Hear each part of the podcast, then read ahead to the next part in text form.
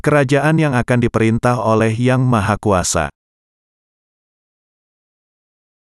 Wahyu 19 banding 1 minus 21. Kemudian daripada itu aku mendengar seperti suara yang nyaring dari himpunan besar orang banyak di sorga. Katanya, Haleluya. Keselamatan dan kemuliaan dan kekuasaan adalah pada Yahweh kita, sebab benar dan adil segala penghakimannya, karena ialah yang telah menghakimi pelacur besar itu, yang merusakkan bumi dengan percabulannya, dan ialah yang telah membalaskan darah hamba-hambanya atas pelacur itu. Dan untuk kedua kalinya mereka berkata, Haleluya! Ya, asapnya naik sampai selama-lamanya. Dan kedua puluh empat tua-tua dan keempat makhluk itu tersungkur dan menyembah Yahweh yang duduk di atas tahta itu. Dan mereka berkata, Amin, Haleluya. Maka kedengaranlah suatu suara dari tahta itu, Pujilah Yahweh kita, hai kamu semua hambanya, kamu yang takut akan dia, baik kecil maupun besar. Lalu aku mendengar seperti suara himpunan besar orang banyak, seperti deso air bah dan seperti deru guru yang hebat, katanya, Haleluya. Karena Tuhan, Yahweh kita, yang Maha Kuasa, telah menjadi Raja. Marilah kita bersuka cita dan bersorak-sorai, dan memuliakan dia, karena hari perkawinan anak domba telah tiba, dan pengantinnya telah siap sedia. Dan kepadanya dikaruniakan supaya memakai kain lenan halus yang berkilau-kilauan dan yang putih bersih. Lenan halus itu adalah perbuatan-perbuatan yang benar dari orang-orang kudus. Lalu ia berkata kepadaku, Tuliskanlah, berbahagialah mereka yang diundang ke perjamuan kawin anak domba. Katanya lagi kepadaku, perkataan ini adalah benar, perkataan-perkataan dari Yahweh. Maka tersungkurlah aku di depan kakinya untuk menyembah dia, tetapi ia berkata kepadaku, Janganlah berbuat demikian. Aku adalah hamba, sama dengan engkau dan saudara-saudaramu, yang memiliki kesaksian Jasua. Sembahlah Yahweh, karena kesaksian Jasua adalah roh nubuat. Lalu aku melihat sorga terbuka, sesungguhnya, ada seekor kuda putih, dan ia yang menungganginya bernama, yang setia dan yang benar, ia menghakimi dan berperang dengan adil. Dan matanya bagaikan nyala api dan di atas kepalanya terdapat banyak mahkota dan padanya ada tertulis suatu nama yang tidak diketahui seorang pun, kecuali ia sendiri. Dan ia memakai jubah yang telah dicelup dalam darah dan namanya ialah, Firman Yahweh. Dan semua pasukan yang di sorga mengikuti dia, mereka menunggang kuda putih dan memakai lenan halus yang putih bersih. Dan dari mulutnya keluarlah sebilah pedang tajam yang akan memukul segala bangsa. Dan ia akan menggembalakan mereka dengan gada besi dan ia akan memeras anggur dalam kilangan anggur, yaitu kegeraman murka Yahweh, yang maha kuasa. Dan pada jubahnya dan pahanya tertulis suatu nama, yaitu, Raja segala raja dan Tuan di atas segala Tuan. Lalu aku melihat seorang malaikat berdiri di dalam matahari dan ia berseru dengan suara nyaring kepada semua burung yang terbang di tengah langit. Katanya, marilah ke sini dan berkumpullah untuk turut dalam perjamuan Yahweh, perjamuan yang besar, supaya kamu makan daging semua raja dan daging semua panglima dan daging semua pahlawan dan daging semua kuda dan daging semua penunggangnya dan daging semua orang, baik yang merdeka maupun hamba, baik yang kecil maupun yang besar. Dan aku melihat binatang itu dan raja-raja di bumi serta tentara-tentara mereka telah berkumpul untuk melakukan peperangan melawan penunggang kuda itu dan tentaranya.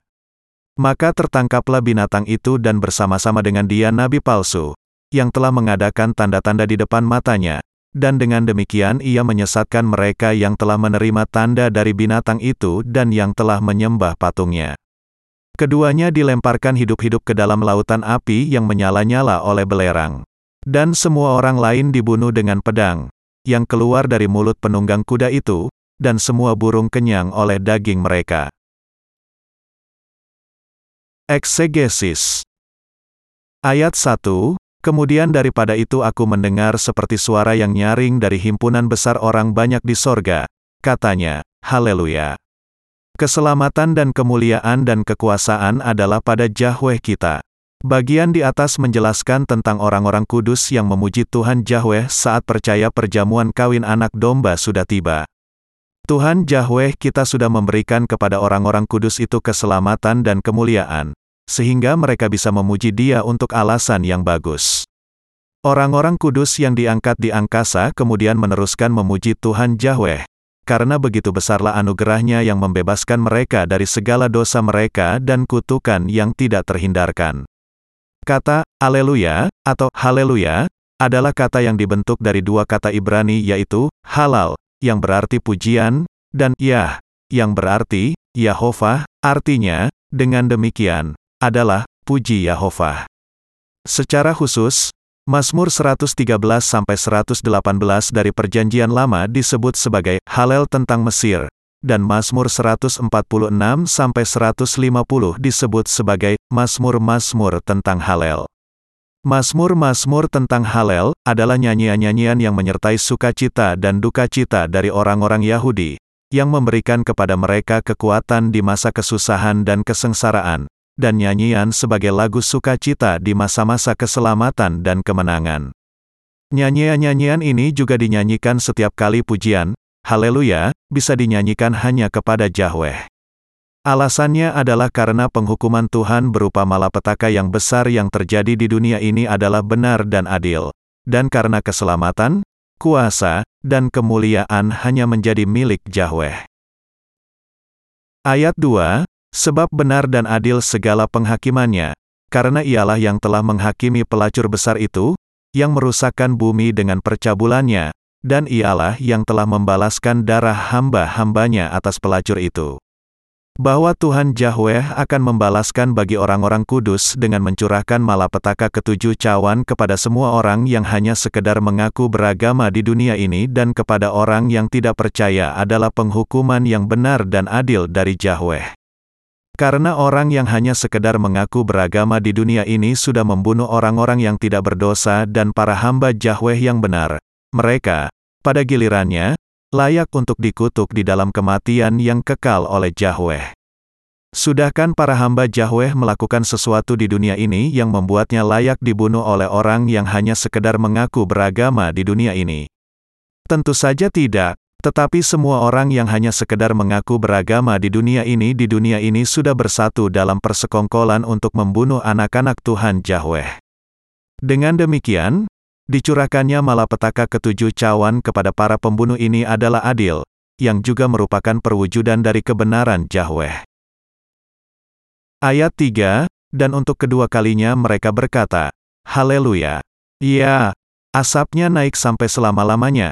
Orang-orang kudus memuji Tuhan Yahweh kita di angkasa karena hari perjamuan kawin dengan Jasua, yang sudah menjadi anak domba sudah tiba. Asapnya naik sampai selama-lamanya, Hal ini menunjuk kepada asap yang naik dari dunia yang sudah dibinasakan dan dibakar oleh malapetaka ketujuh cawan yang dicurahkan oleh Yahweh. Itu menunjukkan bahwa dunia ini tidak akan pernah dipulihkan dari puing-puing karena kehancurannya sangat parah dan kekal. Ayat 4, dan ke-24 tua-tua dan keempat makhluk itu tersungkur dan menyembah Yahweh yang duduk di atas tahta itu, dan mereka berkata, Amin, Haleluya. Kenyataan bahwa hari pernikahan orang-orang kudus dengan Tuhan Yesus sudah tiba adalah peristiwa yang sangat mulia sehingga 24 orang tua-tua dan keempat makhluk yang ada di surga memuji dan menyembah Tuhan Yahweh yang duduk di tahtanya. Inilah sebabnya para hamba Yahweh memuji Tuhan Yahweh di angkasa. Ayat 5, Maka kedengaranlah suatu suara dari tahta itu, Pujilah Yahweh kita, hai kamu semua hambanya, kamu yang takut akan dia, baik kecil maupun besar. Karena hari perjamuan kawin anak domba dengan orang-orang kudus adalah sukacita besar yang tidak terkatakan bagi semua hamba-hambanya yang sudah diselamatkan dengan percaya kepada Tuhan Yahweh. Suara dari tahta itu mengajak semuanya untuk memuji Yahweh. Saatnya udah tiba bagi para hamba Yahweh dan semua orang-orang kudusnya untuk bersukacita dan memuji Tuhan. Ayat 6, Lalu aku mendengar seperti suara himpunan besar orang banyak, seperti deso air bah dan seperti deru guru yang hebat, katanya, Haleluya! Karena Tuhan, Yahweh kita, yang Maha Kuasa, telah menjadi Raja. Ayat ini menjelaskan kepada kita bahwa ketika waktu pemerintahan Tuhan Yahweh sudah tiba, adalah saatnya bagi orang-orang kudusnya dan para hambanya untuk menerima damai, sukacita dan berkat-berkat yang kekal mengalir seperti sungai. Inilah sebabnya mereka memuji Tuhan Yahweh. Orang-orang kudus memuji Yahweh kita di angkasa meski saat itu malapetaka yang besar sedang terus terjadi di dunia ini karena sarnya sudah tiba bagi mereka untuk diperintah oleh Tuhan Yahweh, yaitu, inilah saatnya bagi Yahweh untuk mempermuliakan semua orang kudusnya. Suara pujian orang-orang kudus pada saat itu adalah seperti suara desau air bah. Perjamuan kawin di kerajaan Tuhan kemudian dimulai dengan pujian yang indah dari orang-orang kudus. Ayat 7, Marilah kita bersukacita dan bersorak-sorai, dan memuliakan dia. Karena hari perkawinan anak domba telah tiba, dan pengantinnya telah siap sedia. Sekarang ketika malapetaka ketujuh cawan yang diturunkan oleh Yahweh berakhir, Ayat ini menjelaskan bahwa waktunya sudah datang bagi orang-orang kudus untuk bersuka cita dan bersorak-sorai. Orang-orang kudus bersuka cita dan bersorak-sorai karena harinya sudah tiba bagi mereka untuk menikah dengan Tuhan kita dan hidup di dalam kerajaannya. Untuk hidup dengan orang-orang kudus, Tuhan Yahweh kita sudah mempersiapkan langit baru dan bumi baru, kota suci dan tamannya, dan semua kemuliaan serta kekayaan, dan ia sudah menanyikan mereka. Sejak saat itu, orang-orang kudus memerintah bersama dengan Tuhan selamanya. Ayat 8, dan kepadanya dikaruniakan supaya memakai kain lenan halus yang berkilau-kilauan dan yang putih bersih. Lenan halus itu adalah perbuatan-perbuatan yang benar dari orang-orang kudus. Tuhan sudah memberikan kepada orang-orang kudus pakaian yang baru, yang terbuat dari kain lenan halus. Siapa saja yang hidup dengan melayani Tuhan mengenakan pakaian itu. Yahweh mengenakan kepada orang-orang kudus, dengan kata lain, pakaian surgawi. Pakaian surgawi ini dari kain lenan halus yang tidak akan basah oleh keringat. Ini menjelaskan kenyataan bahwa kita menjadi mempelai wanita anak domba bukan karena usaha atau keunggulan manusia kita, tetapi karena iman kita di dalam Injil air dan roh yang diberikan oleh Tuhan Yahweh. Dalam kontras yang sangat jelas dengan pakaian berwarna merah dan pakaian ungu yang dikenakan oleh antikristus, kain lenan ini adalah kain lenan yang sangat mahal yang biasa dipakai untuk menjadi pakaian para imam dan raja. Bebas dari keringat, berwarna putih, kain lenan halus menunjukkan bahwa orang-orang yang mengenakan anugerah Yahweh dan kebenarannya sudah menjadi umatnya. Kata, lenan halus itu adalah perbuatan-perbuatan yang benar dari orang-orang kudus. Berarti bahwa orang-orang yang sudah menjadi orang-orang kudus oleh anugerah keselamatan yang diberikan oleh Tuhan Yahweh memberikan kemuliaan kepada Yahweh dengan kemartiran mereka oleh antikristus dan pengikut-pengikut dalam mempertahankan iman mereka. Perbuatan-perbuatan yang benar, dengan kata lain, menunjuk bukan kepada kebenaran karena hukum, tetapi kepada kemartiran orang-orang kudus dalam mempertahankan iman yang berharga. Demikian juga, semua mempelai wanita Jasua Kristus di akhir zaman adalah para martir yang, untuk mempertahankan kesucian iman mereka kepada Tuhan, sudah berdiri dan melawan antikristus serta pengikut-pengikutnya sementara di dunia ini. Untuk mempersiapkan iman mereka kepada kemartiran, semua orang kudus harus dipelihara selama tiga setengah tahun pertama masa kesengsaraan besar, karena ketika masa tiga setengah tahun itu berlalu, mereka pasti akan dijadikan martir. Ayat 9, Lalu ia berkata kepadaku, Tuliskanlah, berbahagialah mereka yang diundang ke perjamuan kawin anak domba. Katanya lagi kepadaku, perkataan ini adalah benar, perkataan-perkataan dari Yahweh. Ketika malapetaka dari Yahweh berakhir di dunia ini, Tuhan Yahweh akan mengundang orang-orang kudus ke perjamuan kawin anak domba, kerajaan yang dibangun dan diperintah oleh Tuhan, dan ia akan mengizinkan mereka untuk hidup di dalam kerajaan Kristus. Mereka yang diundang ke dalam perjamuan kawin anak domba di sini adalah yang diberkati. Tuhan Yahweh sudah mengatakan kepada kita bahwa ia tidak akan gagal dalam menggenapi firman perjanjiannya ini. Harinya akan datang ketika orang-orang kudus akan menikah dengan Tuhan. Tuhan kita akan datang ke dunia ini untuk membawa mempelai wanitanya, yang sudah dibasuhkan dari segala dosa mereka dengan percaya kepada Injil air dan roh. Dan Tuhan kemudian akan hidup bersama mempelai wanitanya sampai selamanya di dalam kerajaannya. Persekutuan orang-orang kudus dengan Tuhan disempurnakan ketika mereka diangkat oleh Kristus. Pada saat ketika mereka menerima kemuliaan yang tiada akhir dan pahala di kerajaan seribu tahun. Haleluya! Saya memuji dan bersyukur kepada Tuhan Yahweh yang sudah menjadikan kita sebagai umatnya. Ayat 10, Maka tersungkurlah aku di depan kakinya untuk menyembah dia. Tetapi ia berkata kepadaku, Janganlah berbuat demikian. Aku adalah hamba, sama dengan engkau dan saudara-saudaramu, yang memiliki kesaksian Jasua. Sembahlah Yahweh, karena kesaksian Jasua adalah roh nubuat. Orang-orang kudus harus memberikan semua kemuliaan itu hanya kepada Tuhan Yahweh.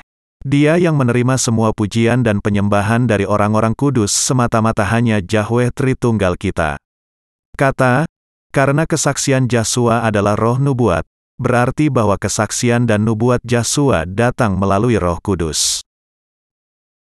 Ayat 11, Lalu aku melihat sorga terbuka, sesungguhnya, ada seekor kuda putih, dan ia yang menungganginya bernama, yang setia dan yang benar, ia menghakimi dan berperang dengan adil. Ketika akhir zaman tiba, Tuhan Yahweh kita, dengan menaiki seekor kuda putih, akan berperang melawan iblis dengan kebenarannya dan mengikat dia dengan melemparkannya ke dalam lubang tak berdasar dan lautan api. Di sini, nama Yesus Kristus adalah setia dan benar.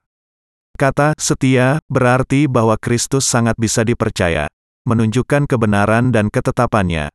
Sementara kata benar berarti bahwa ia jauh dari kesalahan, yang mengajarkan bahwa Kristus akan mengalahkan antikristus dengan penghukuman yang adil dari Yahweh. Ayat 12, dan matanya bagaikan nyala api dan di atas kepalanya terdapat banyak mahkota dan padanya ada tertulis suatu nama yang tidak diketahui seorang pun, kecuali ia sendiri. Bahwa mata Tuhan adalah, bagaikan nyala api, menjelaskan bahwa ia miliki kuasa untuk menghakimi segalanya. Kata, di atas kepalanya terdapat banyak mahkota dan padanya. Di sisi lain, berarti bahwa Tuhan kita senantiasa berjaya atas iblis di dalam peperangannya melawan dia, karena ia adalah Yahweh yang maha tahu dan maha kuasa. Ayat 13, dan ia memakai jubah yang telah dicelup dalam darah dan namanya ialah, firman Yahweh. Tuhan kita akan membalaskan bagi orang-orang kudus kepada musuh-musuh mereka dengan menghukum musuh-musuhnya, yang sudah melawan dia, dengan murka yang sangat keras. Yahweh ini tidaklah lain daripada Yesus Kristus sendiri. Sebagaimana ia sudah berjanji di dalam firman-Nya, Tuhan kita memang sudah datang ke dunia ini dalam rupa manusia, dibaptiskan oleh Yohanes untuk menanggung segala dosa dunia, membawa semuanya ke kayu salib, dan membuat dosa-dosa semua manusia dilenyapkan. Jubah yang telah dicelup dalam darah, darah ini tidak menunjuk kepada darah Jasua sendiri. Darah itu menunjuk kepada darah musuh-musuh yang dipercikan kepada jubah Jasua saat ia membawa murkanya yang menakutkan kepada mereka dan menginjak-injak mereka dengan kakinya yang berkuasa. Firman Yahweh menunjuk kepada kepribadian Jasua. Karena Tuhan kita melakukan segala sesuatu dengan firman-Nya yang berkuasa, ia diberi nama Firman Yahweh. Ayat 14-16, dan semua pasukan yang di sorga mengikuti dia, mereka menunggang kuda putih dan memakai lenan halus yang putih bersih. Dan dari mulutnya keluarlah sebilah pedang tajam yang akan memukul segala bangsa.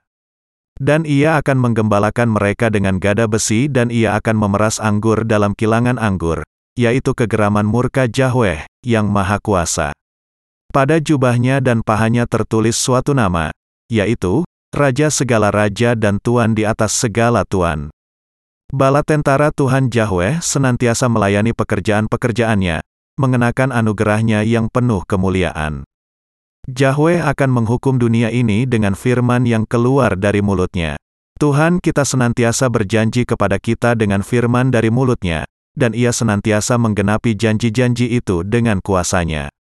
Dia yang menghukum dunia dan membinasakan iblis adalah Yesus Kristus, Raja segala raja dan Tuan di atas segala Tuan. Ayat 17, Lalu aku melihat seorang malaikat berdiri di dalam matahari dan ia berseru dengan suara nyaring kepada semua burung yang terbang di tengah langit. Katanya, marilah ke sini dan berkumpullah untuk turut dalam perjamuan Yahweh, perjamuan yang besar, dunia ini, bersama-sama dengan iblis dan pengikut-pengikutnya, pada akhirnya akan dibinasakan oleh Yesus Kristus. Alkitab menjelaskan kebinasaan dunia ini sebagai suatu perjamuan besar dari Yahweh. Ayat 18, supaya kamu makan daging semua raja dan daging semua panglima dan daging semua pahlawan dan daging semua kuda dan daging semua penunggangnya dan daging semua orang, baik yang merdeka maupun hamba, baik yang kecil maupun yang besar. Firman ini menjelaskan kepada kita bahwa karena segala dosa dan semua manusia di dalamnya akan dibunuh pada saat malapetaka yang dahsyat dari Tuhan Yahweh berakhir, burung-burung di udara akan memenuhi perut mereka dengan daging mereka. Mereka akan melakukannya karena Yahweh sudah mencurahkan malapetaka ketujuh cawan ke atas dunia ini. Tuhan kita mengatakan kepada kita, di mana ada bangkai, di situ burung nazar berkerumun, Matius pukul 24-28. Di dunia akhir zaman, yang ada hanyalah kebinasaan, kematian, dan penghukuman neraka bagi orang-orang berdosa. Bagi orang-orang kudus, akan ada berkat memerintah di dalam kerajaan Kristus. Ayat 19, Dan aku melihat binatang itu dan raja-raja di bumi serta tentara-tentara mereka telah berkumpul untuk melakukan peperangan melawan penunggang kuda itu dan tentaranya. Sampai kepada akhirnya, Antikristus, hamba iblis itu, dan pengikut-pengikutnya akan melawan para hamba Yahweh dan orang-orang kudus dan berusaha mengalahkan mereka. Tetapi karena Tuhan kita adalah Raja di atas segala raja, ia akan mengalahkan Antikristus dan para nabi palsu, melemparkan mereka ke dalam lautan api neraka, dan membunuh semua hamba-hambanya dengan pedang firman-Nya. Ayat 20, maka tertangkaplah binatang itu dan bersama-sama dengan dia nabi palsu, yang telah mengadakan tanda-tanda di depan matanya, dan dengan demikian ia menyesatkan mereka yang telah menerima tanda dari binatang itu dan yang telah menyembah patungnya. Keduanya dilemparkan hidup-hidup ke dalam lautan api yang menyala-nyala oleh belerang. Binatang, di sini menunjuk kepada antikristus. Nabi palsu adalah hamba antikristus yang, dengan melakukan banyak mujizat dan tanda-tanda ajaib, menjadikan manusia berbalik dari iman kepada firman kebenaran. Tuhan Yahweh kita akan membinasakan iblis, binatang, antikristus, nabi palsu, dan pengikut-pengikut iblis yang menyembah patung antikristus dan melawan Yahweh, melawan orang-orang kudus, dan melawan Injil air dan roh. Lautan api yang menyala-nyala oleh belerang, di sini menunjuk kepada neraka. Neraka ini berbeda dengan lubang tak berdasar. Ketika lubang tak berdasar adalah tempat di mana kuasa-kuasa iblis secara sementara diikat, di dalam lautan apu adalah tempat penghukuman kekal bagi mereka. Secara khusus, api dan belerang senantiasa dipakai di dalam Alkitab sebagai alat penghukuman dan penghakiman Yahweh. Setelah dunia ini dibinasakan, Tuhan akan kembali dengan orang-orang kudus, membinasakan iblis dan para hambanya terlebih dahulu, dan kemudian membuka kerajaan Kristus. Orang-orang kudus kemudian akan hidup dan memerintah dengan Tuhan di dalam kerajaan Kristus selama seribu tahun selanjutnya. Ayat 21, Dan semua orang lain dibunuh dengan pedang, yang keluar dari mulut penunggang kuda itu, dan semua burung kenyang oleh daging mereka. Dunia ini diciptakan dengan firman yang keluar dari mulut Tuhan Yahweh kita, demikian juga, musuh-musuh Yahweh akan dibinasakan semuanya dengan firman penghakiman yang keluar dari mulutnya. Keraja Kristus kemudian akan dibangun di dunia ini. Orang-orang kudus, karena itu, harus menempatkan pengharapan mereka di dalam kerajaan Kristus dan memberikan kemuliaan kepada Yahweh dengan berperang melawan iblis, antikristus dan pengikut-pengikutnya, dan menyambut kemartiran mereka dengan iman.